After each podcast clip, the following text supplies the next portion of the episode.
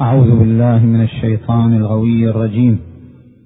وصلى الله على محمد وآله الطيبين الطاهرين.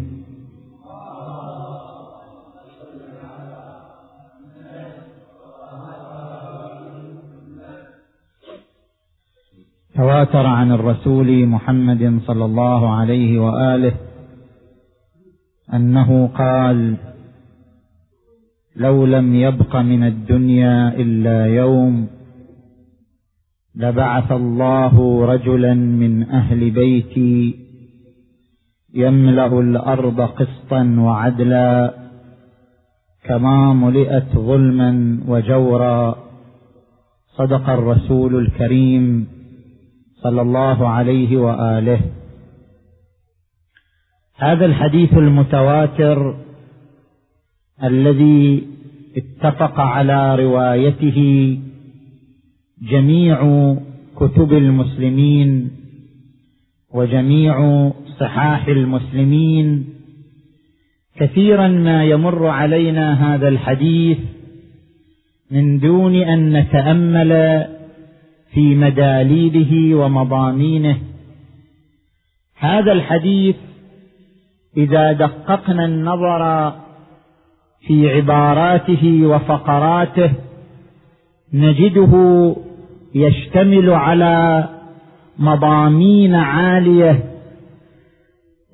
ونجده يشتمل على قضايا دقيقة تتعلق بدولة الإمام المنتظر عجل الله تعالى فرجه الشريف. نحن نركز في هذا الحديث على مفردات ثلاث. المفردة الأولى التعبير بالبعث. لو لم يبق من الدنيا إلا يوم لبعث الله رجلا من أهل بيتي. ما هو السر في التعبير بالبعث؟ بعث الله رجلا من أهل بيتي. المفردة الثانية التعبير بالامتلاء يملأها قسطا وعدلا كما ملئت ظلما وجورا. ما هو مضمون التعبير بالامتلاء؟ ملئت ظلما وجورا. المفردة الثالثة في هذا الحديث نشر القسط والعدل يملأها قسطا وعدلا. ما هو معنى هذا النشر؟ نشر القسط والعدل. اذا لا بد لنا من الوقوف أمام كل مفردة من هذه المفردات الثلاث لنتعرف من خلالها على عظمة الدولة الخاتمية ألا وهي دولة الإمام المنتظر عجل الله تعالى فرجه الشريف. أما المفردة الأولى وهي التعبير بالبعث. لبعث الله رجلا من أهل بيتي. البعث استخدم في القرآن الكريم استخدم في القرآن الكريم في أربعة معاني. تارة يستخدم البعث بمعنى الإرسال كما في قوله تعالى أرجه وأخاه وابعث في المدائن حاشرين يعني أرسل في المدائن حاشرين. وقوله تعالى وإن خفتم شقاق بينهما فابعثوا حكما من أهله وحكما من أهلها. ابعثوا حكما يعني أرسلوا حكما. البعث هنا بمعنى الإرسال. المعنى الثاني الذي استخدمت فيه كلمة البعث أن المراد بالبعث هو الإظهار. والإبراز. مثلا في قوله تعالى كان الناس أمة واحدة فبعث الله النبيين. يعني أظهرهم من بين الناس. فبعث الله النبيين مبشرين ومنذرين. مثلا قوله تعالى هو الذي بعث في الأميين رسولا منهم. يعني أظهر من بين الأميين رسولا منهم. يتلو عليهم آياته ويزكيهم. البعث في هذه الآيات بمعنى الإظهار والإبراز. المعنى الثالث للبعث أن البعث يستخدم في القرآن الكريم بمعنى إعادة الحياة. قالوا يا ويلنا من بعثنا من مرقدنا هذا؟ بعثنا من مرقدنا يعني أعاد لنا الحياة واليقظة. قالوا يا ويلنا من بعثنا من مرقدنا؟ هذا ما وعد الرحمن وصدق المرسلون. أو قوله تعالى ثم أماته فأماته مئة عام ثم بعثه. يعني أعاد له الحياة مرة أخرى. قال كم لبثت؟ قال لبثت يوما أو بعض يوم. البعث هنا بمعنى إعادة الحياة واليقظة مرة أخرى. المعنى الرابع للبعث أن القرآن يستعمل البعث بمعنى الرفعة والإعلاء كما في قوله تعالى عسى أن يبعثك ربك مقاما محمودا. يبعثك ربك يعني يرفعك مقاما محمودا يعليك مقاما محمودا. اذا البعث استعمل في القرآن إما بمعنى الإرسال أو بمعنى الإظهار أو بمعنى الإعلاء والرفعة أو بمعنى إعادة الحياة. جميع هذه المعاني الأربعة تشترك في عنصر واحد مشترك بين هذه المعاني الأربعة ألا وهو عنصر التجديد. البعث متقوم بماذا؟ بعنصر التجديد. الإرسال يتضمن عنصر التجديد. لأنك إذا أرسلت رسولا جاءك بأنباء جديدة لم تكن تعرفها قبل إرسال الرسول. إظهار النبي من بين الأميين باب لحياة جديدة للأمة وللمجتمع. رفعة النبي من مقام إلى مقام آخر تجديد في مقاماته صلوات الله وسلامه عليه وآله. إعادة الحياة إلى العظام الميتة تجديد لوجود الحياة وتجديد لنور الحياة. اذا البعث بتمام معانيه الأربعة متضمن لعنصر التجديد. فعندما يقول الرسول المصطفى محمد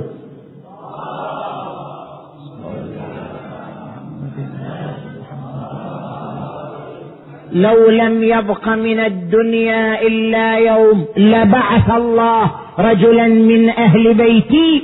التعبير بالبعث كناية عن أن هذه الدولة الدولة المهدوية هذه الحضارة الحضارة الخاتمية دولة جديدة.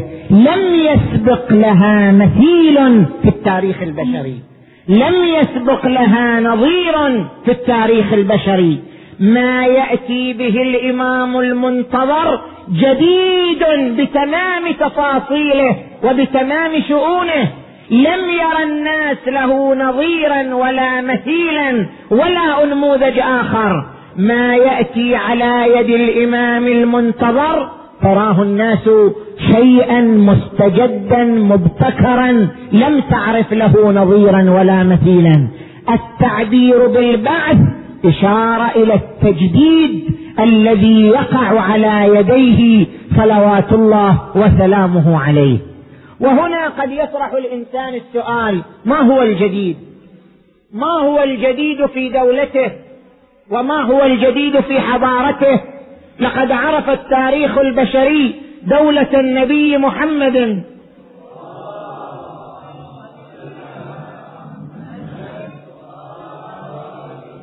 ودولة الوصي ودولا إسلامية أخرى وحضارات كبرى أقامت على الأرض كيانها ومدت جذورها فما هو الجديد في دولته؟ صلوات الله وسلامه عليه. ماذا؟ ما هو الجديد حينئذ؟ الجديد في حضارته. التفتوا يا إخوان تزاوج العلوم بعد استقلاليتها وتفصيلها. ما معنى تزاوج العلوم بعد استقلاليتها وتفصيلها؟ العلم أي علم من العلوم؟ علم الطب علم الهندسة علم الفقه أي علم من العلوم؟ يمر بمرحلتين. المرحلة الأولى هي مرحلة التفصيل والاستقلالية. والمرحلة الثانية هي مرحلة التزاوج مع العلوم الأخرى في تلبية الحاجة البشرية. ما معنى هذا الكلام؟ مثلا نحن نأتي لعلم الطب. علم الطب كلما مر الزمان يسير بمسيرة تفصيلية. كان علم الطب علما واحدا. أصبح طب الأسنان علما.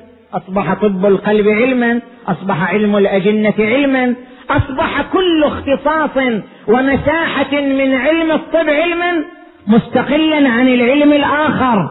هذا عبارة عن أن العلم يسير في مسيرة تفصيلية استقلالية فيتنوع إلى علوم متعددة. علم الفقه أيضا. فيما مضى من قبل خمسمائة سنة علم واحد أصبح علم الفقه علوما. فقه العبادات فقه المعاملات فقه الحديث فقه الحضارة أصبح علم علم الفقه علوما متعددة نتيجة لمسيرته التفصيلية الاستقلالية. هذه مرحلة من مراحل العلم. وهناك مرحلة أخرى من مراحل العلم ألا وهي مرحلة التزاوج بين العلوم. أدنى قضية وأدنى حدث الآن وفي المستقبل وكلما مر الزمان أدنى حدث يحدث عندك في البيت يحتاج إلى عشرة علوم لمعالجة هذا الحدث. يحتاج إلى عشرين علما لمعالجة هذه الظاهرة. أدنى ظاهرة تمر على الإنسان في بيته في جسمه في علاقاته في تصرفاته. أدنى ظاهرة أدنى حدث إذا أراد أن يعالجها وإذا أراد أن يحيطها يحتاج للرجوع إلى عدة علماء يحتاج إلى الرجوع إلى عدة اختصاصات لكي يعالج هذه الظاهرة البسيطة ولكي يعالج هذه الجزئية المحدودة. اذا هذا عبارة عن تزاوج العلوم وتكاملها لتلبية الحاجة البشرية ومن أجل استمرار مسيرة الحضارة الإنسانية لا بد أن تمر العلوم بمرحلة التزاوج كما مرت بمرحلة التفصيل والاستقلالية. مثلا أعطيك مثال لعل هذا المثال في الوقت الحاضر. ما صار له تحقق لكنه سيتحقق في المستقبل كما يتنبأ المراقبون والمحللون. مثلا عندما نحن نريد أن نزرع خلية خلية كبد في جسم إنسان آخر. إنسان يحتاج إلى زراعة كبد أو يحتاج إلى زراعة مثلا كلية أو يحتاج إلى زراعة أي عضو آخر. عندما نريد أن نضع الخلية التي ستنمو في المستقبل وستكون كبدا إلى كم علم نحتاج؟ إلى كم اختصاص نحتاج أن يتدخل في هذا المجال حتى تتحقق هذه الظاهرة؟ إننا نحتاج إلى علم الأحياء الذي يدرس لنا خصائص هذه الخلية الخصائص الفسيولوجية المتقومة بهذه الخلية ومدى انسجامها مع الأنسجة الحية لبدن هذا المريض المحتاج لهذه الخلية لابد أن يتدخل هنا عالم الأحياء ليوضح لنا هذه النقطة وهذه الخصوصية. إذا تجاوزنا هذا الاختصاص جاءنا اختصاص آخر.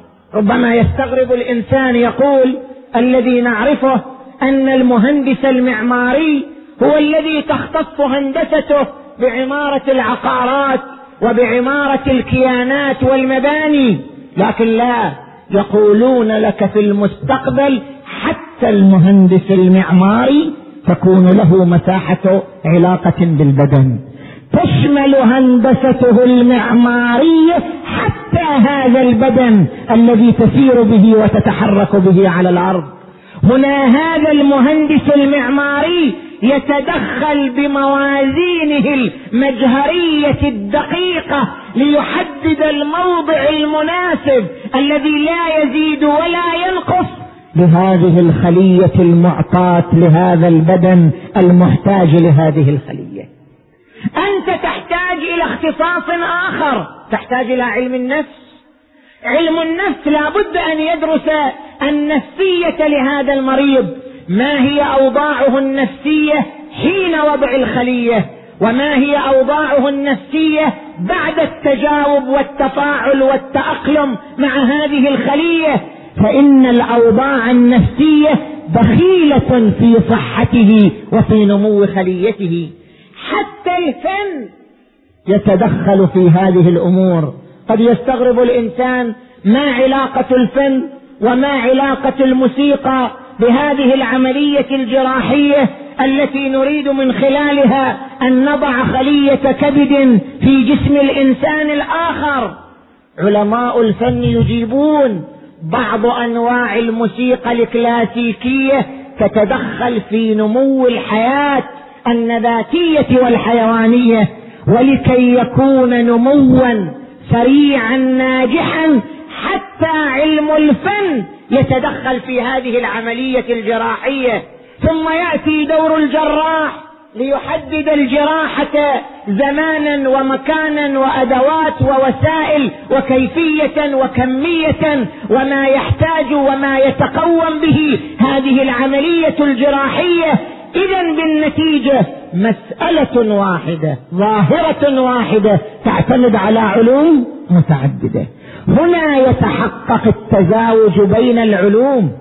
إذا كانت ظاهرة واحدة تحتاج إلى هذا الكم من العلوم لكي تتزاوج وتتلاقح فكيف ببناء حضارة كاملة على الأرض كلها لا تحتاج إلى تزاوج في العلوم؟ كيف يبني الإمام حضارة اقتصادية وحضارة علمية وحضارة أخرى متكاملة على هذه الأرض من دون أن يكون هناك تزاوج في العلوم وتلاقح في المعارف والاختصاصات. اذا الجديد الذي تشرق به دولة الإمام المنتظر دولة العلم ودولة الحضارة ودولة التعلق في المجالات المختلفة الجديد الذي ستشرق به الدولة الخاتمية المهدوية. تزاوج العلوم. سنرى هذه المرحلة بأوضح مصاديقها وأجلى مظاهرها أن العلوم تتزاوج في كل شيء من أصغر صغيرة إلى أعظم كبيرة نجد العلوم متداخلة متشابكة متزاوجة في دولته صلوات الله وسلامه عليه. نأتي للمفردة الثانية. لاحظوا الحديث النبوي الشريف عندما يقول لو لم يبق من الدنيا إلا يوم لبعث الله رجلا من أهل بيتي يملأ الأرض قسطا وعدلا كما ملئت ظلما وجورا. هنا يتبادر للإنسان هذا السؤال. هل الامتلاء حقيقي أو أن الامتلاء مجازي؟ ما معنى امتلأت ظلما وجورا؟ هل فعلا الأرض امتلأت ظلما وجورا؟ هل فعلا الأرض ستمتلئ في يوم من الأيام ظلما وجورا؟ هل هذا أمر حقيقي أو هذا أمر مجازي؟ وكثير من العلماء عندما يمر بهذا الحديث يقول لا الامتلاء مجازي. يعني كثير من مناطق الأرض تعيش حالة من الظلم تعيش حالة من الجور تعيش حالة من انفلات. الموازين ومن انفلات القانون. لذلك الإمام عبر عن هذه الكثرة بالامتلاء وإلا فالامتلاء ليس حقيقيا وإنما هو امتلاء مجازي. تلأت يعني أغلب كثيرا من مناطقها. نحن نؤكد أن الامتلاء حقيقي وليس امتلاء مجازيا تمتلئ الأرض يوما من الأيام ظلما وجورا. وماذا يعني هذا الكلام؟ انتبهوا إليه.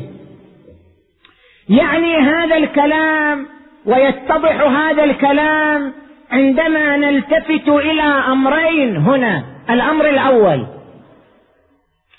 الأمر الأول لا بد لنا من التفريق بين القسط وبين العدل وبين الظلم وبين الجور. الحديث قال يملأها قسطا وعدلا كما ملئت ظلما وجورا. هناك فرق بين القسط والعدل. أستغرب كثير من المفسرين يقولون العدل هو القسط والقسط هو العدل ولا فرق بينهما مع أن ظواهر آيات القرآن الكريم تؤكد على الفرق بين القسط وبين العدل. هناك فرق بين القسط وبين العدل. وإذا اتضح الفرق بينهما يتضح الفرق بين الظلم وبين الجور. القسط يقابله الظلم والعدل يقابله الجور. فأصلحوا بينهما بالعدل واقسطوا معنى هناك عدل وهناك قسط القرآن الكريم يقول فأصلحوا بينهما بالعدل واقسطوا إن الله يحب المقسطين. فهناك عدل وهناك قسط ما هو الفرق بين القسط والعدل؟ التفتوا يا إخوان. نحن عندما نريد أن نعطي لشخص حقوقه عندما نريد أن نعطي لشخص حقوقه ماذا نصنع؟ نمر بمرحلتين مرحلة نظرية ومرحلة عملية. المرحلة النظرية تحديد الحق ما هي حقوقه؟ عندنا مثلا جنين في بطن أمه. نحن نبحث في منظمات حقوق الإنسان أن هذا الجنين إنسان ولهذا الجنين حقوق فما هي حقوقه؟ عندما نحدد الحقوق تأتي النظريات وتأتي القوانين لتحدد الحق تحديد الحق من خلال القوانين الاجتماعية من خلال الكيان النفسي لهذا المخلوق من خلال الدور الطبيعي لهذا المخلوق يحدد حقه. ما هو حقه؟ هذا يسمى قسط. القسط هو عبارة عن المرحلة النظرية وهي تحديد الحق بما ينسجم مع المصالح العامة وبما ينسجم مع استقرار النظام الاجتماعي تحديد الحق وزن الحق يسمى بالقسط. ولذلك ترى القرآن الكريم دائما يرادف بين الميزان وبين القسط. ونضع الموازين القسط ليوم القيامة. وأقيموا الوزن بالقسط ولا تخسروا الميزان. هذه التعبيرات القرآنية تشير إلى أن القسط هو عبارة عن الوزن يعني تحديد الحق الميزان النظري الذي من خلاله نحدد حق الجنين حق المرأة حق الطفل حق البيئة حق الطبيعة حق الإنسان. تحديد الحق بالموازين النظرية يسمى بمرحلة القسط بعد أن حددنا الحق الجنين له مثلا عشرون حقا. وضع هذه الحقوق في مواضعها في المرحلة العملية يسمى بالعدل. فالعدل مرحلة ثانية عن القسط. هناك مرحلة القسط وهي تحديد الحقوق وتحديد مواطنها ومواضعها. بعد أن ننتهي من هذه المرحلة نصل إلى مرحلة العدل. مرحلة العدل مرحلة عملية. وضع هذه الحقوق في مواضعها. وضع هذه الموازين في مواضعها يسمى بالعدل. فعندما لا نحدد الحقوق تحديدا دقيقا يعد عدم التحديد ماذا؟ ظلما. وعندما لا نضع الحقوق في مواضعها يعد عدم الوضع جورا. فالقسط يقابله الظلم والعدل يقابله الجور. والفرق بينهما هو الفرق بالمرحلة النظرية والمرحلة العملية. الأمر الثاني هو مسألة أن الظلم لا ينحصر في ظلم الإنسان للإنسان. كثير من الناس إذا قيل له لا تظلم فكر يعني لا تظلم الإنسان الآخر. يرى أن الظلم منحصر ومتقوقع في ظلم الإنسان للإنسان. لا. الإنسان له علاقات ثلاث. العلاقة مع السماء مع الله. العلاقة مع الإنسان الآخر زوجة أو ولدا أو صديقا أو جارا أو مجتمعا. العلاقة الثالثة التي يتناساها كثير من الناس العلاقة مع الطبيعة العلاقة مع الأرض العلاقة مع البيئة. كما أن لك علاقة مع الله كما أن لك علاقة مع الإنسان لك علاقة مع الأرض التي تعيش عليها. لك علاقة مع الفضاء الذي تتنفسه وتتحرك فيه. لك علاقة مع هذا الهواء ومع هذه البيئة بزراعتها بكائناتها الحية بمختلف أشكالها وألوانها. فلك علاقات ثلاث. وبما أن لك علاقات ثلاث فكل علاقة لها ميزان. فإذا وضعتها في ميزانها كان ذلك عدلا. وإذا لم تضعها في ميزانها كان ذلك جورا من الإنسان. لاحظتوا؟ ميزان العلاقة مع الله شكره. متى ما كنت شاكرا فأنت عادل وإلا فأنت جائر. ميزان العلاقة مع الإنسان هو الإنسانية. متى ما وضعت الإنسان الآخر في إطار الإنسانية فأنت عادل وإلا فأنت جائر. ميزان العلاقة مع الطبيعة الاستثمار المتوازن. متى لم يكن هناك استثمار متوازن للطبيعة فالإنسان المتعامل مع الطبيعة إنسان جائر. اذا الظلم لا ينحصر في ظلم الإنسان للإنسان. قد يظلم الإنسان السماء قد يظلم الإنسان الإنسان وقد يظلم الإنسان الطبيعة وقد يجور هذا الإنسان على البيئة والطبيعة. من هنا نفهم امتلأت ظلما وجورا. ما معنى يملأها قسطا وعدلا؟ بعدما ملئت ظلما وجورا. لم ينحصر الظلم في ظلم الإنسان للإنسان. حتى تقول أنا ما أرى ظلم الإنسان للإنسان إلا في دول العالم الثالث وإلا فكثير من الدول نقية من ظلم الإنسان للإنسان. لا. ولكنك غفلت عن ظلم الإنسان للأرض. ظلم الإنسان للطبيعة. ظلم الإنسان لهذا الفضاء الذي يعيش فيه. ويتحرك فيه. هذا من أبشع أنواع الظلم والجور. فإذا كانت الأرض لم تملأ ظلما وجورا من خلال العلاقة الثانية ألا وهي علاقة الإنسان بالإنسان؟ فقد ملئت ظلما وجورا أو ستملأ ظلما وجورا من خلال علاقة الإنسان بالطبيعة. لاحظوا هذا الإنسان كيف يستثمر النفط وكيف يستثمر الغاز؟ استثمار النفط والغاز. من قبل هذا الإنسان ماذا ولد؟ ولد انتشار ثاني أكسيد الكربون. انتشار ثاني أكسيد الكربون ماذا ولد؟ ولت ظاهرة ظاهرة الاحتباس الحراري. وظاهرة الاحتباس الحراري من أشد الأخطار وأشنعها على الحياة على الأرض. وعلى الكائنات الحية التي تعيش على الأرض. إذا الإنسان في علاقته مع الطبيعة لم يستثمرها استثمارا متوازنا. استثمر بعض الطبيعة على حساب الطبيعة الأخرى. استثمر بعض العناصر على حساب العناصر الأخرى. لما لم يتحقق الاستثمار المتوازن كان ذلك جور على الطبيعة وظلم للطبيعة. هذا الإنسان مثلا أنت تسمع فيضانات تكتسح مجتمعات وفي المقابل جفاف يكتسح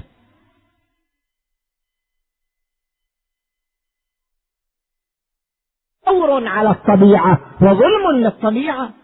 هذا الإنسان مثلا أنت تسمع جفاف يكتسح مجتمعات أخرى. أفتظن أن الإنسان عاجز عن الاستثمار المتوازن لنعمة الماء على الأرض؟ ابدا ليس عاجز. هذا الإنسان الذي استطاع أن يبذل أقصى جهوده في تقنية السلاح وهذا الإنسان الذي استطاع أن يبذل أقصى طاقاته في أن يتفوق في مجال السلاح وأن يستعد لبناء الدرع الصاروخي كما يقولون. أفهل يكون هذا الإنسان قاصرا عن توزيع نعمة المياه توزيعا عادلا وأن يستثمرها استثمارا جيدا. يجعل الاستثمار متكافئا متوازنا. فهل الإنسان عاجز عن ذلك؟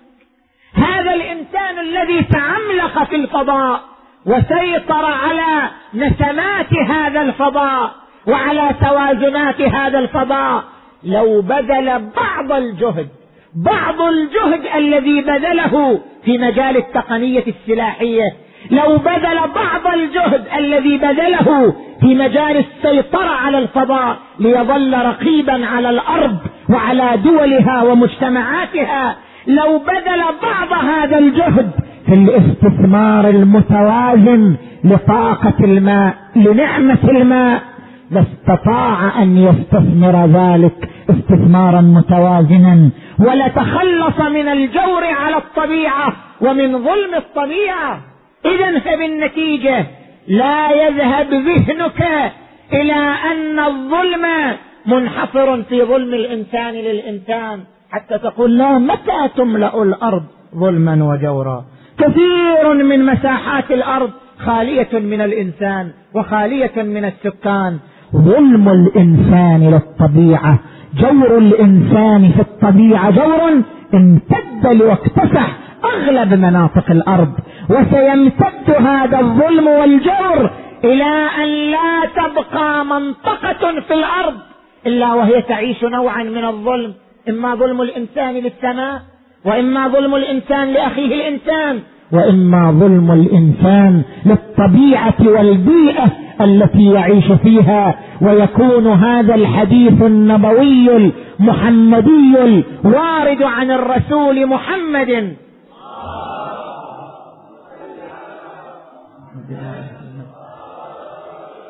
حديثا صادقا كما ملئت ظلما وجورا. نأتي للمفرد الثالث أنتم تعبتم ادري وتنتظرون الغداء ولكن نتعرض لها باختصار سريع. المفردة الثالثة ألا وهي نشر القسط والعدل. هنا يطرح الإنسان سؤالا وملخص هذا السؤال أن العدالة على قسمين عدالة قانونية وعدالة شخصية. بإمكان أي دولة أن تفرض العدالة القانونية. يعني أن تؤسس قوانين عادلة وأن تحرص هذه الدولة على تطبيق هذه القوانين العادلة. من خلال جهاز القضاء من خلال جهاز هيئة الأمر بالمعروف والنهي عن المنكر من خلال جهاز الأمن والاستخبارات من خلال جهاز الشرطة من خلال هذه الأجهزة التنفيذية الحيوية تستطيع أي دولة أن تحقق العدالة القانونية من خلال تطبيقها بمختلف أجهزتها. ولكن العدالة الشخصية يعني عدالة الإنسان مع زوجته من يضمنها؟ عدالة الإنسان مع أولاده من يضمنها؟ عدالة الإنسان مع صديقه من يضمنها؟ عدالة الإنسان مع جاره من يضمنها. ربما تستطيع أي دولة أن تحقق العدالة القانونية لكن العدالة الشخصية تبقى امرا مضيعا تبقى امرا يستحيل السيطرة عليه ويستحيل ضبطه ويستحيل وضع الموازين الدقيقة لحمايته عن التردي والانفلات والانهيار. وهذا لم يختص بدولة دون أخرى بل حدث حتى في دولة النبي محمد صلى الله عليه وسلم.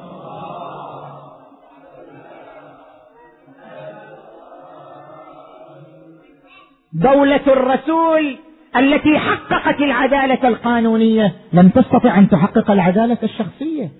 ففي دولة الرسول صلى الله عليه وآله انتشر المنافقون والمرجفون ومن أهل المدينة مردوا على النفاق القرآن الكريم ومن أهل المدينة مردوا على النفاق لا تعلمهم نحن نعلمهم ولذلك اضطرت الدولة الإسلامية إلى أن تؤسس مؤسستي القضاء ومؤسسة الأمر بالمعروف والنهي عن المنكر لماذا؟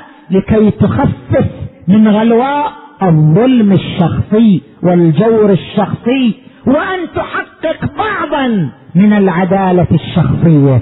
إذا إذا لم يمكن لأي دولة واستحال على أي دولة تحقيق العدالة الشخصية وإن استطاعت تحقيق العدالة الاجتماعية. فكيف يقول الحديث بأن الدولة المهدوية الخاتمية ستحقق العدل الكامل يملأها قسطا وعدلا. كما ملئت ظلما وجورا. يعني كما أن العدالة القانونية ستهيمن على المجتمع والإمبراطورية الإسلامية فإن العدالة الشخصية ستهيمن على بيت الإنسان أسرة الإنسان داخل الإنسان تصرفات الإنسان يملأها قسطا وعدلا. كيف ستستطيع هذه الدولة أن تحقق العدالة الشخصية كما حققت العدالة القانونية؟ اذا هذا السؤال يحتاج إلى جواب والجواب عنه باختصار أن وحي السماء وشريعة السماء شرعت القوانين على قسمين قوانين رادعه وقوانين وقائية. القوانين الرادعه هي المسؤوله عن ضبط الظواهر الاجتماعية. محاربة الزنا محاربة الفساد محاربة الفواحش محاربة المعاصي الظاهرة إقامة الحدود والتعزيرات. هذه قوانين رادعة القوانين التي تكون وظيفتها ضبط الظواهر الاجتماعية تسمى بقوانين رادعة. وهناك قسم آخر من القوانين هي القوانين الوقائية. التي لا علاقة لها بالظواهر الاجتماعية وإنما وظيفتها بناء الداخل بناء الإنسان. هذا الإنسان يحتاج إلى بناء يحتاج إلى صقل. إذا صار هذا الإنسان إنسانا يسيطر عقله على غرائزه فقد تحققت القوانين الوقائية. علم الأخلاق علم التربية علم التعليم. هذه العلوم تسمى قوانين وقائية لأنها لا علاقة لها بالظواهر الاجتماعية. وظيفتها نداء الداخل وظيفتها الاتجاه الداخلي وظيفتها تنقية الباطن بناء الباطن بناء ذكيا نظيفا عادلا. إذا بني الإنسان من الداخل وصار هذا الإنسان انسانا الحاكمية لعقله لا لشهواته وغرائزه. حينئذ قضينا على الظلم الشخصي. لن يظلم هذا الإنسان لا زوجته ولا أولاده ولا أصدقاءه ولا جيرانه. لما لأنه يعيش قوانين وقائية. لأنه بنى داخله بناء وقائيا فصار محصنا بحصانة تمنعه من الظلم من الظلم والجور الشخصي. دولة الإمام عليه السلام كما ستركز على القوانين على القوانين الرادعة ستركز على القوانين الوقائية التي لخصتها الآية المباركة يتلو عليهم آياته ويزكيهم ويعلمهم الكتاب والحكمة. ثلاثة عناصر تعرضت إليها الآية المباركة هو الذي بعث في الأميين رسولا منهم يقوم بثلاثة عناصر. وهذه العناصر الثلاثة هي القوانين الوقائية. يتلو عليهم آياته يزكيهم يعلمهم الكتاب والحكمة. يتلو عليهم آياته عبارة عن الإعلام. الإعلام هو تلاوة الآيات. لا بد لدولة الإمام المنتظر أن تصفي الإعلام. جميع القنوات الفضائية التي تغزو أذنك ووجهك ونظرك وقلبك وعاطفتك جميع وسائل الإعلام بيد مؤسسة الإعلام في دولة الإمام المنتظر. جميع القنوات الفضائية ربما تصل في زمانه وفي دولته إلى مليار قناة. كل هذه القنوات تحت سيطرة المؤسسة الإعلامية الإسلامية تنقية وسائل الإعلام من أدران الغزو العاطفي وأدران الغزو الشهوي وأدران الغزو المادي. إذا نقيت وسائل الإعلام تحقق أول عنصر للبناء الداخلي للقوانين الوقائية الذي عبرت عنه الآية المباركة يتلو عليهم آياته لا يسمعون إلا نداء السماء ولا يسمعون إلا ثقافة السماء ولا يسمعون إلا ملامح السماء من خلال وسائل الإعلام. ويزكيهم العنصر الثاني عنصر التزكية اعتقد أن في كل أسرة وفي كل منزل مربيا عرفانيا مربيا أخلاقيا. نحن الآن في هذا العصر حتى المجتمعات بعض المجتمعات فيها مربي عرفاني وبعض المجتمعات لا يوجد فيها أي مربي عرفاني. حتى على مستوى المجتمعات ما نملك مربين الآن إحنا؟ حتى على مستوى المجتمعات فضلا عن البيوت والأسر. على مستوى المجتمعات نلاحظ أن المجتمعات الإسلامية ترك المجتمعات الأخرى حتى المجتمعات الإسلامية إذا استقرأتها وتتبعتها تجد أغلب هذه المجتمعات الإسلامية خالية من المربي. المربي الذي يربي الناس بأخلاقه يربي الناس بعرفانه. يربي الناس بعبادته يربي الناس بطهارته يربي الناس بسلوكه الذكي. هذا الإنسان العرفاني الذي هو متخلق بأخلاق السماء ومؤدب بآداب السماء الذي يكون في كل مجتمع منارا لتزكية الناس. وتهذيب سلوكهم وتنظيف أخلاقهم وخصالهم. هذا لا يوجد على المستوى الحاضر. أما في عصر الإمام فلا تخلو أسرة صغيرة أو كبيرة عن وجود المربي العرفاني الذي يكون في الأسرة منارا لأخلاقها ومنارا لسلوكها المهذب النقي ويزكيهم. ويعلمهم الكتاب والحكمة. كثير من التجاوزات وكثير من الانحرافات. مصدرها الجهل. الإنسان الجاهل ينحرف. الإنسان الجاهل يتجاوز الحدود. الجهل مصدر كثير من الانحرافات ومصدر كثير من التجاوزات. لذلك عصر الإمام المنتظر عصر العلم. عصر المعرفة. لا يبقى عقل إلا وهو يسمع المعارف منذ نعومة أبصاره ولا يبقى بيت إلا وتدخل إليه العلوم والمعارف منذ بداية تكوينه. اذا ويعلمهم الكتاب والحكمة انتشار العلم والمعرفة في كل بيت في كل أم في كل أب في كل طفل في كل ولد في كل في كل إنسان. انتشار العلم والمعرفة هو العنصر الثالث من القوانين الوقائية. فالآية المباركة هو الذي بعث في الأميين رسولا منهم يتلو عليهم آياته يزكيهم يعلمهم الكتاب والحكمة. تعرضت للقوانين الوقائية التي تبني شخصية الإنسان وهذه القوانين الوقائية إذا كان الزمان لم يحالف النبي صلى الله عليه وآله والفرصة لم تكن كافية بالنسبة للنبي صلى الله عليه وآله أن يدعم القوانين الوقائية وأن يقوم بتطبيقها تطبيقا كاملا فإن الفرصة ستتحقق على شبل النبي وسمي النبي ألا وهو الإمام المنتظر ألا وهو الإمام المنتظر القائم عجل الله فرجه.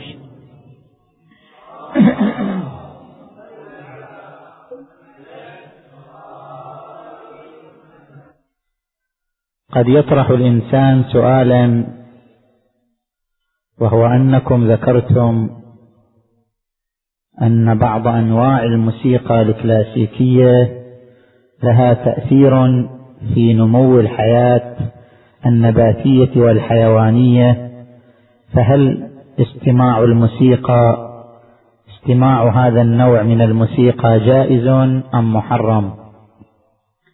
الجواب أن الموسيقى إذا كانت لهوية أي مناسبة لمجالس اللهو والفسوق فاستماعها محرم سواء كانت مما يؤثر في نمو الحياة النباتية أو لم تكن كذلك.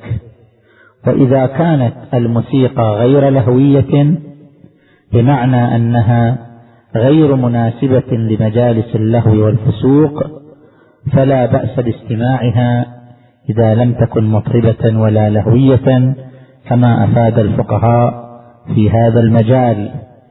وأما ما ذكرناه من أن بعض أنواع الموسيقى الكلاسيكية لها تأثير في نمو الحياة النباتية والحيوانية فقد ذكرناه كمثال لتقريب فكرة تزاوج العلوم وتداخلها ولم نطرحه كمثال للحكم الشرعي المباح. فهناك فرق بين البحث في مسألة علمية وهي مسألة تزاوج العلوم وبين البحث في تحديد الحكم الشرعي في السلوك والفعل. فلا يؤخذ الكلام على إطلاقه بل لا بد من مراجعة الحكم الشرعي في هذه المسألة. والحمد لله رب العالمين وصلى الله على محمد وآله الطاهرين.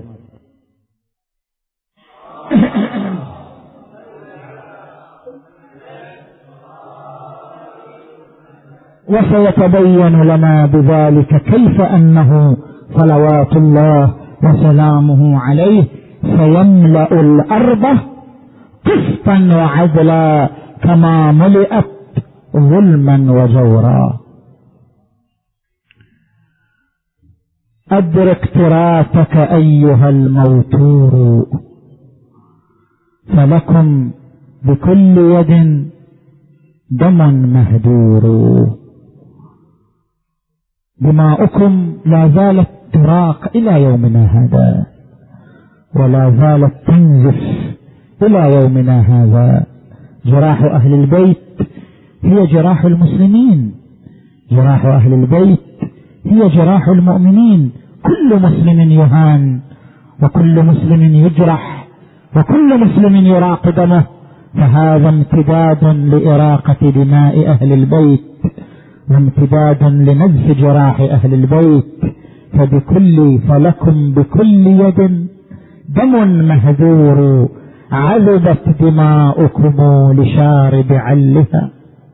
يقول السيد الهندي عذبت دماؤكم لشارب علها وصفت فلا ردق ولا تكبير ما صارم الا وفي شفراته نحر لال محمد منحور سيدي انت الولي لمن بظلم قتلوا وعلى العدا سلطانك المنصور إن تحتقر قدر العدا فلربما قد قارف الذنب الجليل.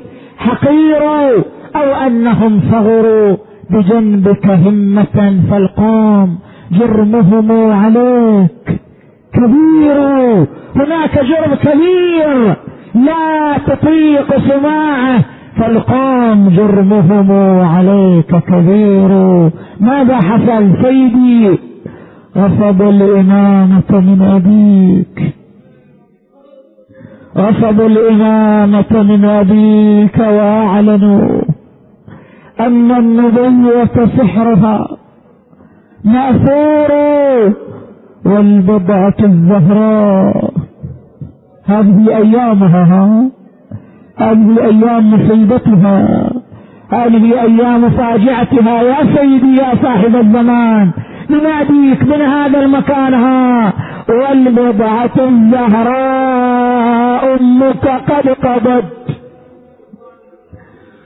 والبضعة الزهراء أمك قد قضت. طرح الفؤاد وضلعها يا مصيبتاه يا مصيبتاه. قد قضت قرح الفؤاد وضلعها مكسور. لمن تشتكي فاطمة؟ لمن تبث شكاواها؟ لمن تنجب؟ لمن تتظلم ها لمن ليس أمامها إلا أمير المؤمنين؟ هو الذي يستقبل ظلامتها وشكاواها. يقول من عطية الجمري ما قصروا يا مرتضى ربوا بنوي تبص إلى الإمام ظلامتها ما قصروا يا مرتضى ربوا ضلوعي ولليوم من ضرب الرجس ما سكن. راعي بعد على المختار ما نشفت دموعي طبلي ولطمني طبلي ولطمني ولا اختشى منك ولا. الله أكبر. مصيبة ضلوعها. مصيبة جسمها مصيبة عظمى. لكن هذه الزهراء مع مصائب لجسدها مع مصائب ضلوعها. تدري شو تقول؟ تتناسى ضلوعها تتناسى آلامها. يقول ملا علي بن فايد ها يصف كيف أنها تتناسى ضلوعها وتتناسى آلام جسمها. دهري رماني بالرزايا بكل الشهور وانساني اللي يصير الباب. مكسور. واعظم على قلبي فجيعة يوم. وحسيناه ومصيبته واعظم على قلبي فجيعة يوم. عاشور. كل البكاء والنار. والضجة على دهري رماني بالرزايا بكل غالي.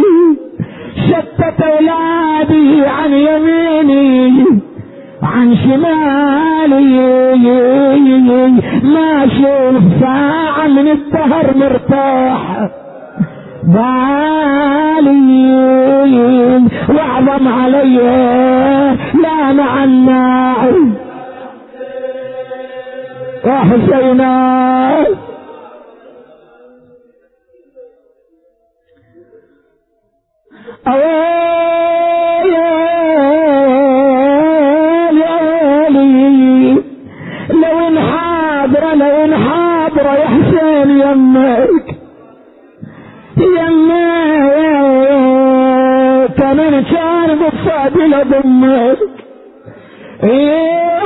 أنا كان بصادي بصادي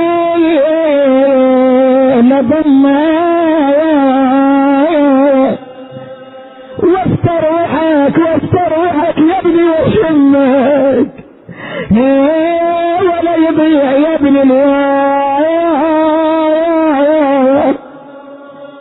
اليوم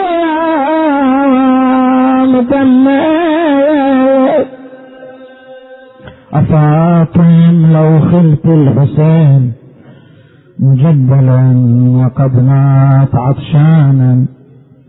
يا الله. نقرأ الدعاء نقرأ الآية المباركة كلنا بصوت واحد لشفاء المرضى لقضاء الحوائج. بسم الله الرحمن الرحيم.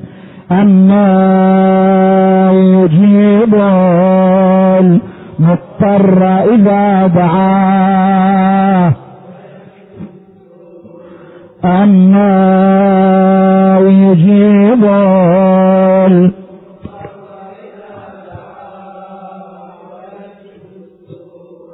أما يجيب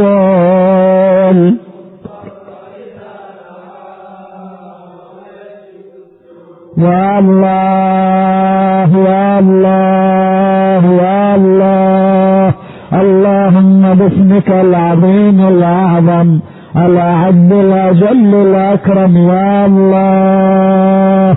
بالزهراء وأبوها وبعلها وبنيها والسر المستودع فيها صلواتك عليهم أجمعين. اشف مرضانا ومرضى المؤمنين والمؤمنات خصوصا المرضى المنظورين يا الله. بحوائجنا وحوائج المؤمنين والمؤمنات.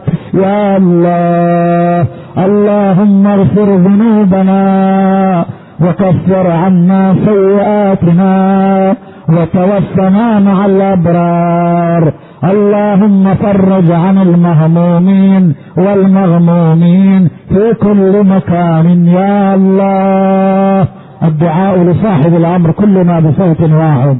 اللهم صل على محمد وآل اللهم كن لوليك الحجة صلواتك عليه وعلى في هذه وفي كل وليا وقائدا ودليلا حتى تسكنه أرضك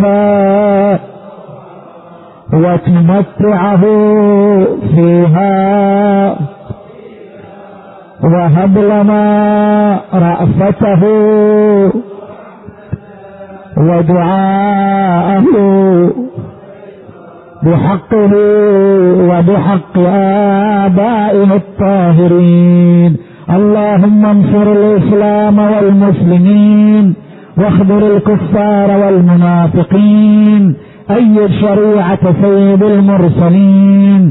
اللهم ارحم علماءنا الماضين وأيد الباقين. رحم الله من يقرأ لأرواح علمائنا وأرواح أمواتنا وأمواتكم وأموات المؤمنين والمؤمنات خصوصا العلامة المقدس الشيخ منصور البوات رحم الله من يقرأ لأرواحهم جميعا الفاتحة تسبقها الصلوات.